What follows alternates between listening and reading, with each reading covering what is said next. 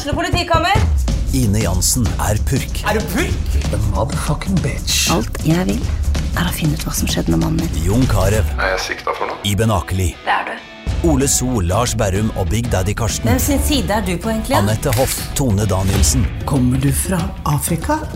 Jørnis Josef, Nesten. Kløfta. Trond Espen Seim, Det er synd å si det, men det var feil mann som døde. Purk. Premiere tirsdag på TV2 Play.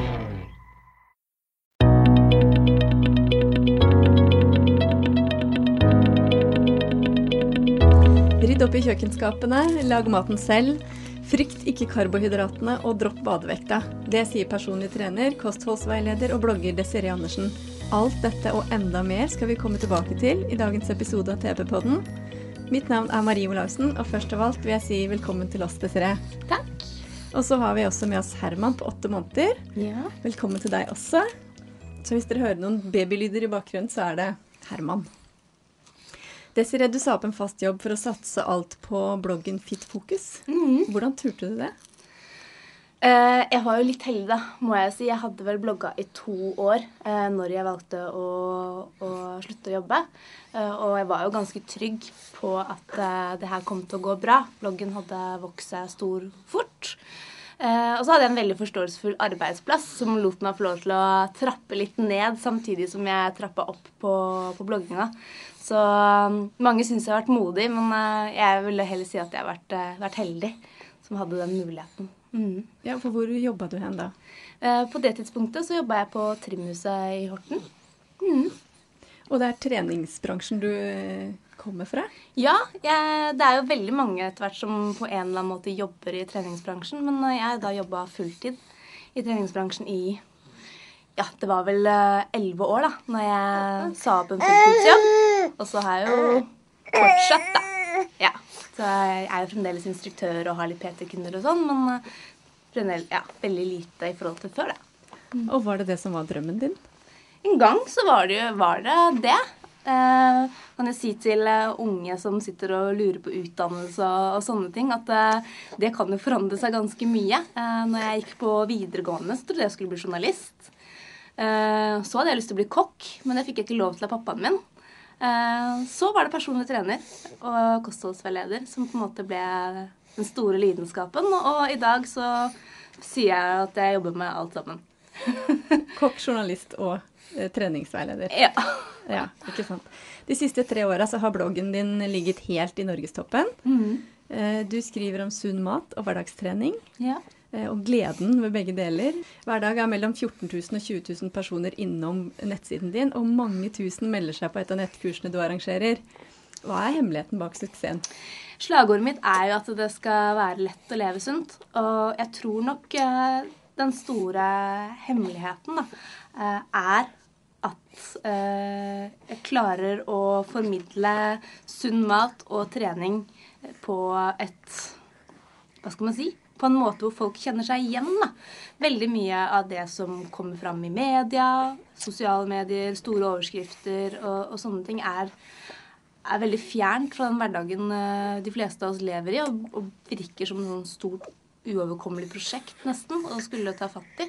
Eh, mens jeg tar tak i fakta og, og presenterer på en måte som folk flest forstår, tenker jeg. Ja. Det er mange ekstreme dietter der ute, og veldig mye veldig beinhard trening. Mm. Hvis jeg ser, I hvert fall eh, i sosiale medier. Ja. Men eh, du har valgt å være en motvekt Ja. til det. Ja. Det var jo egentlig derfor jeg starta å blogge. Eh, fordi jeg tilfeldigvis begynte å lese treningsblogger selv. Og syntes at det var kjempemotiverende, for eh, jeg er jo glad i trening. Og liker å trene hardt og presse meg og, og gjør det fordi jeg syns det er gøy. Men jeg vet at det ikke er nødvendig. Eh, og jeg så ganske fort at oi, her er det faktisk en mangel i bloggverden. Det er ikke noen blogg her som på en måte kan passe for de som er nybegynnere, eller som syns det er vanskelig å komme over dørstokken. Noen besøker jo bloggen din sikkert for inspirasjon, mens andre ender med å melde seg på et av kursene dine. Mm. Eh, Hva lærer de på kurs hos deg? Jeg pleier å si at uh, man skal lære å finne sin egen versjon av en sunn livsstil. Uh, fordi det er ikke sånn at det er én måte å trene på eller én måte å spise på som er sunn. Det er fryktelig, fryktelig mange. Eh, og vi vet jo alle sammen at det handler om å finne noe som passer seg, og som man kan leve med i mange år framover. Eh, de fleste retningslinjer der ute gjør jo det ved at de presenterer et ferdig opplegg og sier 'prøv det her'. Eh, mens jeg mer veileder folk til å klare å finne svarene litt selv. da. Så jeg pleier å si start med, med, de tingene som du har lyst til, og som du ser at du kan få til i hverdagen din i dag. Eh, og så kan man etter hvert som man mestrer det, se om man kan gjøre endringer. Eh, for det er ikke nødvendigvis sikkert at man trenger å endre så mye for å få en sunnere livsstil. Det er kanskje mer snakk om at man bare trenger å legge til noen ting, eller bytte ut noe, med, pleier å si da. Ja. For det er ikke alle som kommer til deg som nødvendigvis skal gå ned i vekt, men Nei. de er liksom sugne på å legge om livsstilen litt? Så det er jo Altså, sunn livsstil og helse handler om så mye i dag. Og for mange så handler det bare om slett å ha overskudd og, og ork eh, i hverdagen. Eh, og så er det jo ikke til å stikke under en stol at eh, nordmenn flest vi, vi, har litt mangler i kostholdet i forhold til liksom, at det skal være helt optimalt. Og det er det nok mange som, som, kjenner på. Jeg kan også selv kjenne på det i perioder hvor ting er litt hektiske og jeg ikke spiser like bra. At det, at det fort går utover hverdagen og energien. Det er ikke noe deilig å gå gjennom hverdagen og føle at man ikke orker. Det, det, er ikke noe godt. Du sier at noen har mangler i kostholdet, men i mange år nå så har jo nordmenn vært veldig redde for eh, karbohydrater. Ja. Hva, hva tenker du om den frykten? Altså, jeg forstår jo eh, at folk eh, har blitt redde. Det er jo Media har vært veldig flinke til det. Eh, også mm, forskjellige profiler innen sunn livsstil i Norge. Vi har kanskje blitt litt sånn flinke til å dra alle typer karbohydrater over én kam, kan man si det sånn. For det er klart at sukker og hvittbrød og lys pasta og sånne ting, det er jo ikke noe vi trenger masse av i, i, hverdagen vår. Men karbohydrater er jo også grønnsaker og frukt og grove kornprodukter som inneholder viktige, viktige næringsstoffer som vi trenger. Uh, og som for nordmenn flest er vanskelig å kutte ut. Da. Vi, er, vi, er, uh, vi har et tradisjonelt kosthold som jo er rikt på karbohydrater. Hva slags tilbakemelding får du fra de som melder seg på kursene sine? Hva er det de syns er lett, og hva er vanskelig? De fleste blir jo eh, overraska over hvor fort de merker resultater. Og hvor liksom, kjent maten allikevel er. At man ikke trenger å handle halve helsekostbutikken eller nærmest dra med seg fremmedordboka på, på superen for å finne ut av hva man skal spise. Og som jeg sier, at det som regel egentlig handler om, om å liksom, legge til ting. Av det man allerede er veldig glad i, heller enn å måtte forandre på alt og legge om hele hverdagen. I sommer ble du intervjua av oss i Tønsbergs Blad. Da var vi ute i, på Tjøme og besøkte deg. Mm. Og da sa du at det hadde vært gøy å skrive en bok. Ja. Eh, og allerede nå er jo boka klar med tittelen 'Fit på 30 dager'. Og da jeg forberedte meg å, mm, til det intervjuet her gjennom å lese boka, så eh, kikket en av kollegene mine over skuldra mi, og så begynte jeg å le, og så sa Går det virkelig an? Kommer jo helt an på hva man legger i FIT. Eh, og nå er jo FIT på 30 dager et konsept jeg har hatt eh, online i fem år. Eh, og det er nok det første folk reagerer på. Det er overskriften 'Fit på 30 dager'. Fordi med en gang så tenker jo folk at når man skal bli supertrent eller sixpack eller et eller annet sånt noe på 30, 30 dager, men hvis man liksom slår opp fitness da, i en engelsk ordbok, så betyr jo fitness å være ved god helse eller å ha det bra. Så det handler jo om å ha det bra. Eh, og boka inneholder eh, flere, altså, flere verktøyer da, som man kan bruke eh, for å nå det som eventuelt er sitt mål. Så om du ønsker f.eks. å gå ned i vekt, så er det kostholdsplan og oppskrifter og treningsprogrammer som er tilpassa det.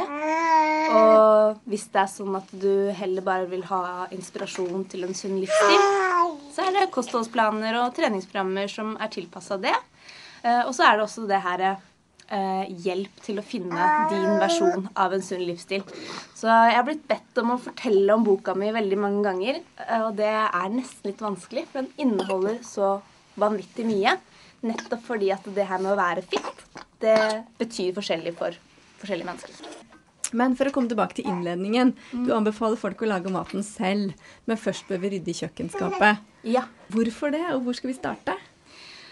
Det viktigste kostholdsrådet jeg kan gi noen folk, egentlig, det er at hvis du har sunn mat hjemme, så spiser du sunt.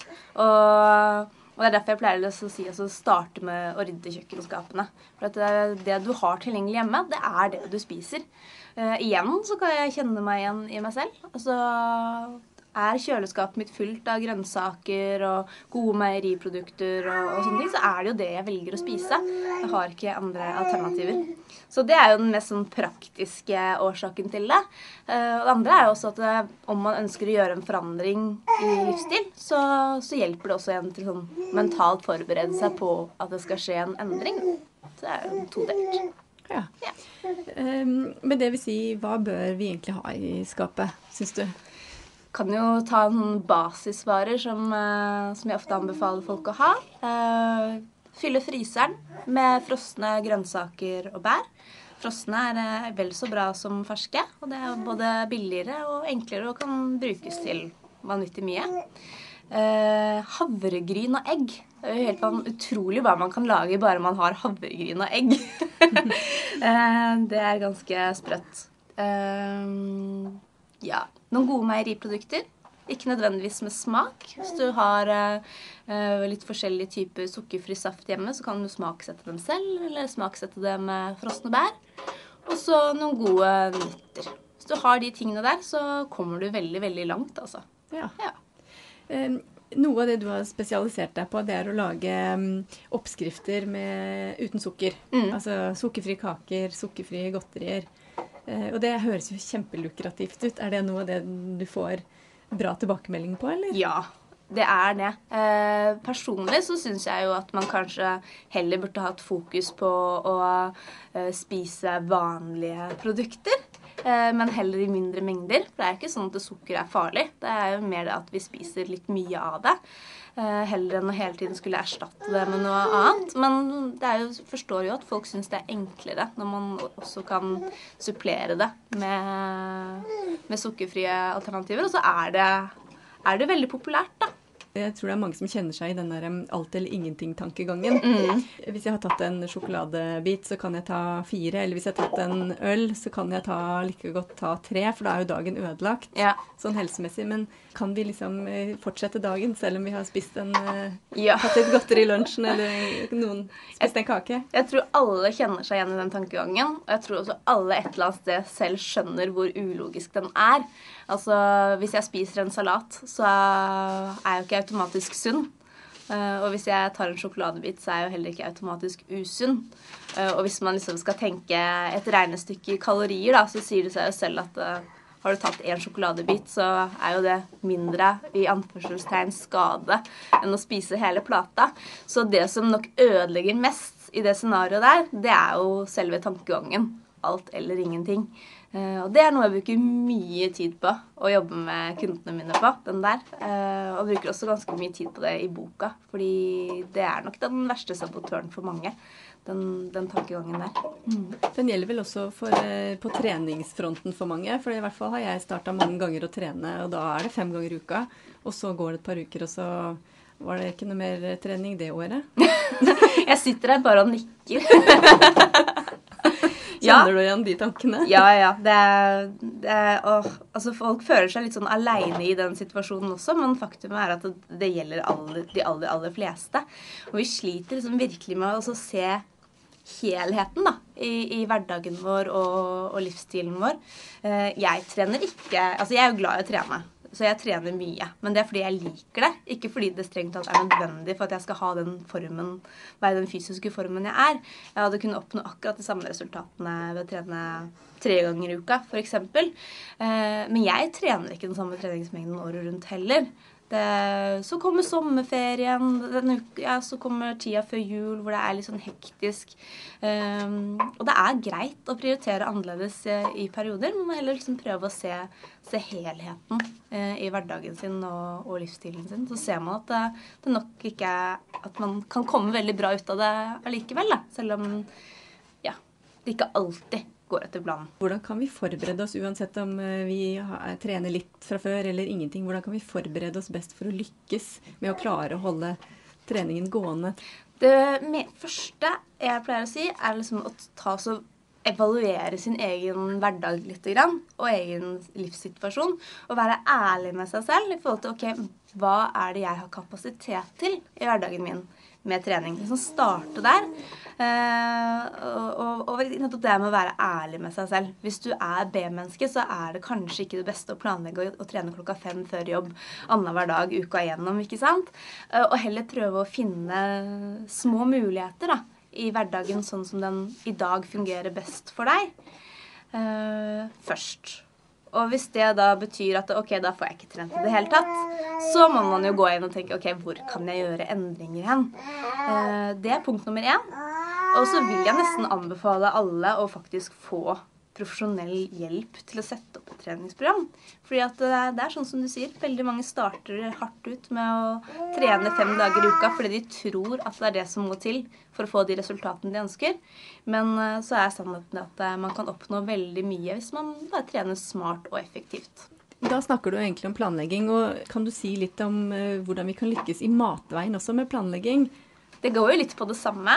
Eh, må jeg jo få lov til å si. Eh, hvis du f.eks. er kjempeglad i å spise brødmat, eh, og det er det du trives med, og som er praktisk for deg, så er det kanskje ikke så veldig smart å hoppe på en kostplan eller tenke at du skal kutte ut brød. Da må heller tenke ok, hvordan kan jeg gjøre brødmåltidene mine sunnere? Eventuelt går det an å bytte ut noen av brødmåltidene med noe som er like enkelt. Ehm, det er steg nummer én. Igjen, være litt sånn ærlig med seg selv. Eh, og legge lista der hvor man rent faktisk har muligheten til å, å lykkes. Ehm, og så handler det ofte om at eh, Igjen, at det er ikke sikkert at man trenger å kutte ut så veldig mye som man tror. At det heller handler om de tingene man ikke spiser, heller enn de tingene man spiser. Uh, og så, jeg, og så er det igjen veldig veldig sånn logisk. Jeg pleier jo å si at uh, hvis man heller har fokus på, på, det man skal legge til, heller enn det man skal trekke ifra, så skjer liksom endringene av seg selv på en sånn positiv måte. Og hvis man ser for seg en, en middagstallerken, da, uh, og man får beskjed om at man skal legge til flere grønnsaker, uh, og man skal ha samme mengde kjøtt og, og sånne ting, så idet man liksom fyller halve tallerkenen med grønnsaker, da, så er det jo automatisk noe som forsvinner, eller som det blir mindre av, uten at man nødvendigvis har hatt så mye negativt fokus på at man skal kutte ut noe. Ikke sant? Og det er jo, føles jo mye mer positiv tilnærming for, uh, for en livsstil å skulle liksom legge til noe som man vet er bra for seg, heller enn å skulle kutte ut noe som man egentlig liker og syns er veldig godt. det høres fornuftig ut. Ganske logisk. Hva slags tilbakemelding får du fra disse mm, menneskene som er på kurs hos deg? Dette her er jo et kurs som er på nett. Ja. Eh, hvordan klarer de å gjennomføre det de setter seg fore? Det med sosiale medier og nett begynner etter hvert å bli ganske sånn ja, Jeg blir fremdeles overraska etter fem år hvor sånn nært bånd man allikevel faktisk kan knytte til mennesker eh, på den måten. Eh, jeg har noen veldig gode venninner på Instagram som jeg aldri har møtt en gang. Det er uh, veldig, veldig rart. Uh, det funker, funker, egentlig overraskende, overraskende bra. Folk tar ansvar for seg selv. Det er også kanskje noe av det jeg er liksom opptatt av å lære bort. At det er jo deg sjøl Jeg er ganske opptatt av det at man står til ansvar for seg selv. Altså, jeg er jo der for, for veiledning og for tips og råd og, og lage et, et opplegg. Og Eh, men, men, i den grad du gjennomfører det, det, det, er jo deg selv du gjør det for. Du er ansvarlig for deg selv og, og de resultatene du, du ønsker deg. Det, og det tror jeg er en viktig lærdom for, for mange. For det er veldig lett å bare ja, gi, prøve å gi det ansvaret til noen andre, da. Ja. Så er det heller ikke ens egen skyld hvis eh, man mislykkes. Og det, det er jo også litt sånn tough love noen ganger. Altså, liksom, ja, men du valgte eh, å ikke dra på den treningen. Eller du valgte eh, sånn og sånn. Og da er resultatet av det at du ikke nådde målet ditt denne måneden, men kanskje du gjør det neste måned. Og det er litt sånn mm, å høre det. Hvor mange er det som er på kurs hos deg i løpet av et år? Å, hjelp. Eh, nå har jeg jo både Både gratiskurs eh, og betalte kurs. Eh, og gratiskursene, der er det jo rundt om 30 000 deltakere hver gang. Så har jeg et tak på, på 2000 på det betalte. Og det er fullt. I sosiale medier og i media også, selvfølgelig, er det mye fokus på mat og trening. Um, og vi har også skrevet i Tønsbergs Blad om um, at mange unge, spesielt jenter, har store problemer med kroppspress. Det har du også opplevd. Mm. Det at uh, maten ikke alltid var like positivt lada. Ja. Ja. Um, da er det, veldig, veldig, veldig mange år siden. Jeg var 15 år da jeg begynte i behandling uh, for uh, anoreksi, som da var min diagnose. Uh, og sånn sett i, i, bakspeilet så opplevde nok jeg det ganske annerledes enn det spiseforstyrrelser ofte blir presentert i media. Også derfor jeg har vært et litt sånn hva skal man si, kritisk røst i, det, i hele den debatten der. For det er klart at Jeg utvikla spiseforstyrrelser uh, av årsaker som jo ikke hadde noe som helst med mat eller trening eller kropp å gjøre i det hele tatt. Det var faktisk først da jeg kom inn i et uh, behandlingsopplegg at jeg begynte å bry meg om hva kalorier var og, uh, og, sånne ting. For det lærte jeg jo nærmest av helsesøster på skolen. Jeg ante jo ingenting om det før. Så, så, ja, relevant til det jeg holder på med i dag, men allikevel ikke. Eh, jeg forstår at eh, vi lever i en tid hvor det er veldig mange unge som opplever kroppspress.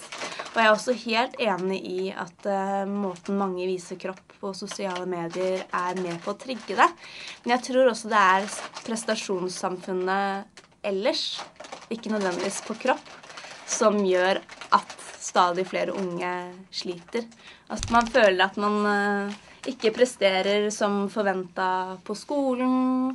Uh, ikke når opp i, i vennegjengen. Alle disse ikke står til sine foreldres forventninger. Altså alle disse tingene her som da kanskje heller blir synliggjort da, i en, en spiseforstyrrelse, heller enn at det nødvendigvis handler egentlig om mat og kropp og trening. Det blir jo en måte å, å skyve unna det som egentlig er de vonde tankene og de vonde følelsene. Og, øh, og for mange da en, en, arena hvor de liksom prøver å ha kontroll øh, og prøver å gjøre det bra nok. Som sagt, jeg er helt enig i, i debatten, men jeg er litt redd for at det, det tar fokus fra det egentlige problemet. På bloggen din og i boka di nå også så virker jo mat som en opptur. Jeg ble mm. skikkelig glad av å se på bildene. Jeg tenkte oi, det her er jo mat jeg kjenner igjen. Ja. Det er ikke noe hokus pokus. Eh, det var på en måte alt det jeg lærte på heimkunnskapen. Ja. Jeg kjente igjen liksom det norske kjøkken. Ja. Jeg opplever jo det, mye av det du driver med som en god motvekt til mye som er ekstremt. Mm. Eh, og det er jo også, også tanken. Men, eh, men det, det, er jo liksom det her som jeg også starta bloggen min med. Da, at det, med at det, alt det her ekstreme får så mye oppmerksomhet, så glemmer vi the basics, som vi egentlig lærte nesten på barneskolen. Jeg tror allerede på barneskolen i O-fag så lærte vi om raske og trege karbohydrater, f.eks. Eh, hvorfor det ikke var bra å spise sukker flere dager i uka, hvorfor det var lørdagsgodt. Eh, at vi liksom plutselig tror at det ikke telles lenger. At, eh, at, det skal være så mye mer komplisert enn det. Når man rent faktisk ser på forskning, så er det ikke det. Det handler fremdeles om eh, å spise mat som gir lang metthetsfølelse, ikke sant? fiber, eh, gi god blod, blodsukkerkontroll, få i seg nok proteiner, spise fisk to ganger i uka, eh, redusere sukkerinntaket. Altså, vektreduksjon og livsstilsendring er egentlig kjempeusexy. som jeg pleier å si, det selger ikke, selger ikke så godt som detox og raw food og lavkarbo og eh, South Beach-dietten og, og, superraske resultater. Eh, men på tross av alt det her nye som får så mye oppmerksomhet, så har ikke det grunnleggende forandra seg. Det er fremdeles snakk om å uh, spise mindre enn du forbrenner hvis du vil ned i vekt. Det er fremdeles snakk om å spise nok grønnsaker. Altså alle de tingene som vi alle faktisk vet. Eh, men med utgangspunkt i Statens eh, kostholdsråd så syns jeg du lager veldig tabloide titler på bloggen din, noe som jeg som journalist selvfølgelig setter pris på, sånn som 'Du er ikke god nok', eller 'Slik får du spredt rumpe'. Hva oppnår du ved den tittelbruken? Jeg oppnår jo ved å få budskapet mitt eh, fram til flest mulig. Fordi hvis du klikker deg inn på et innlegg hos meg som f.eks. står 'Slik får du spredt rumpe', skal jeg absolutt fortelle deg hvordan du får spredt rumpe. Men da skal jeg samtidig benytte anledningen til å fortelle deg at hvis du får en sterk spredt rumpe, så betyr det også at du får mindre vondt i knærne, eh, at det er bra for ryggen din. Eh, ja. Så jeg bruker jo disse innfallsvinklene for å, for å få fram et mer helhetlig budskap som jeg syns er viktig å få fram, og som mange bare sier A og ikke B og C. Ja. det var Herman helt enig i. ja. Kan du sette sammen noen gode råd til januarlyttere som ønsker å prøve nok en gang å komme inn i et bedre helsespor?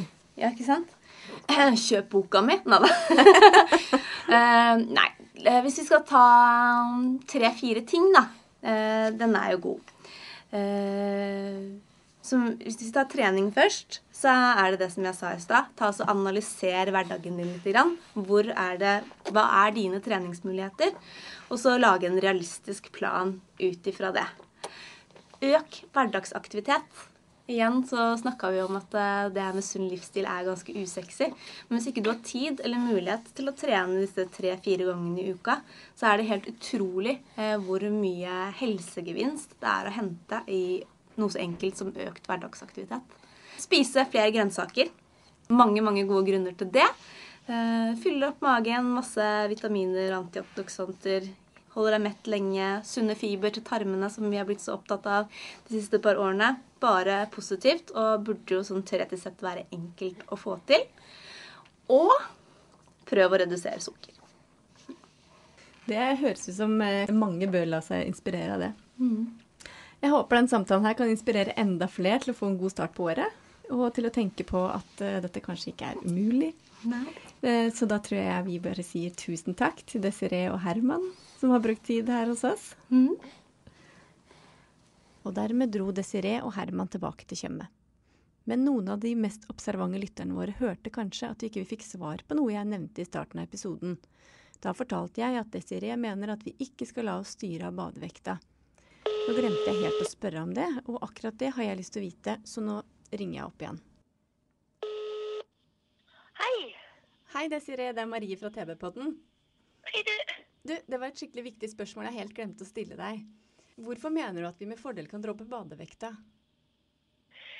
Ja, altså Det er det flere grunner til. Eh, for det første så er kilo, altså vekt, et veldig dårlig måleverktøy når det kommer til fremgang. Eh, et tall på vekta kan f.eks. ikke fortelle deg om det er eh, muskelmasse eller, eh, eller kroppsfett du har gått ned i vekt. Og det er ganske vesentlig forskjell når man, når man jobber med vektreduksjon. Jeg kan jo bruke meg selv som et eksempel. Jeg ble mamma for, for åtte måneder siden, og etter at jeg hadde født, så veide jeg mindre enn, enn jeg gjorde før jeg ble gravid. Men klærne mine de passer fremdeles ikke. fordi det skjedd store forandringer i, i forholdet mellom muskelmasse og fettmasse på kroppen.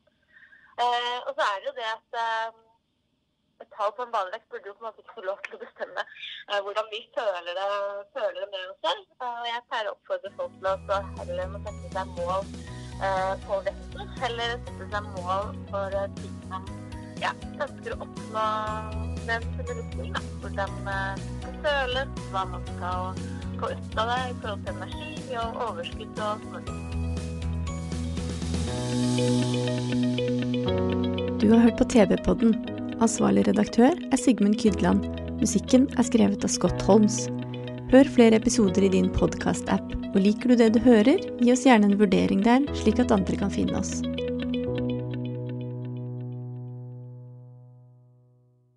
Har du et enkeltpersonforetak eller en liten bedrift? Da er du sikkert lei av å høre meg snakke om hvor enkelt det er med kvitteringer og bilag i fiken, så vi eh, gir oss her, vi.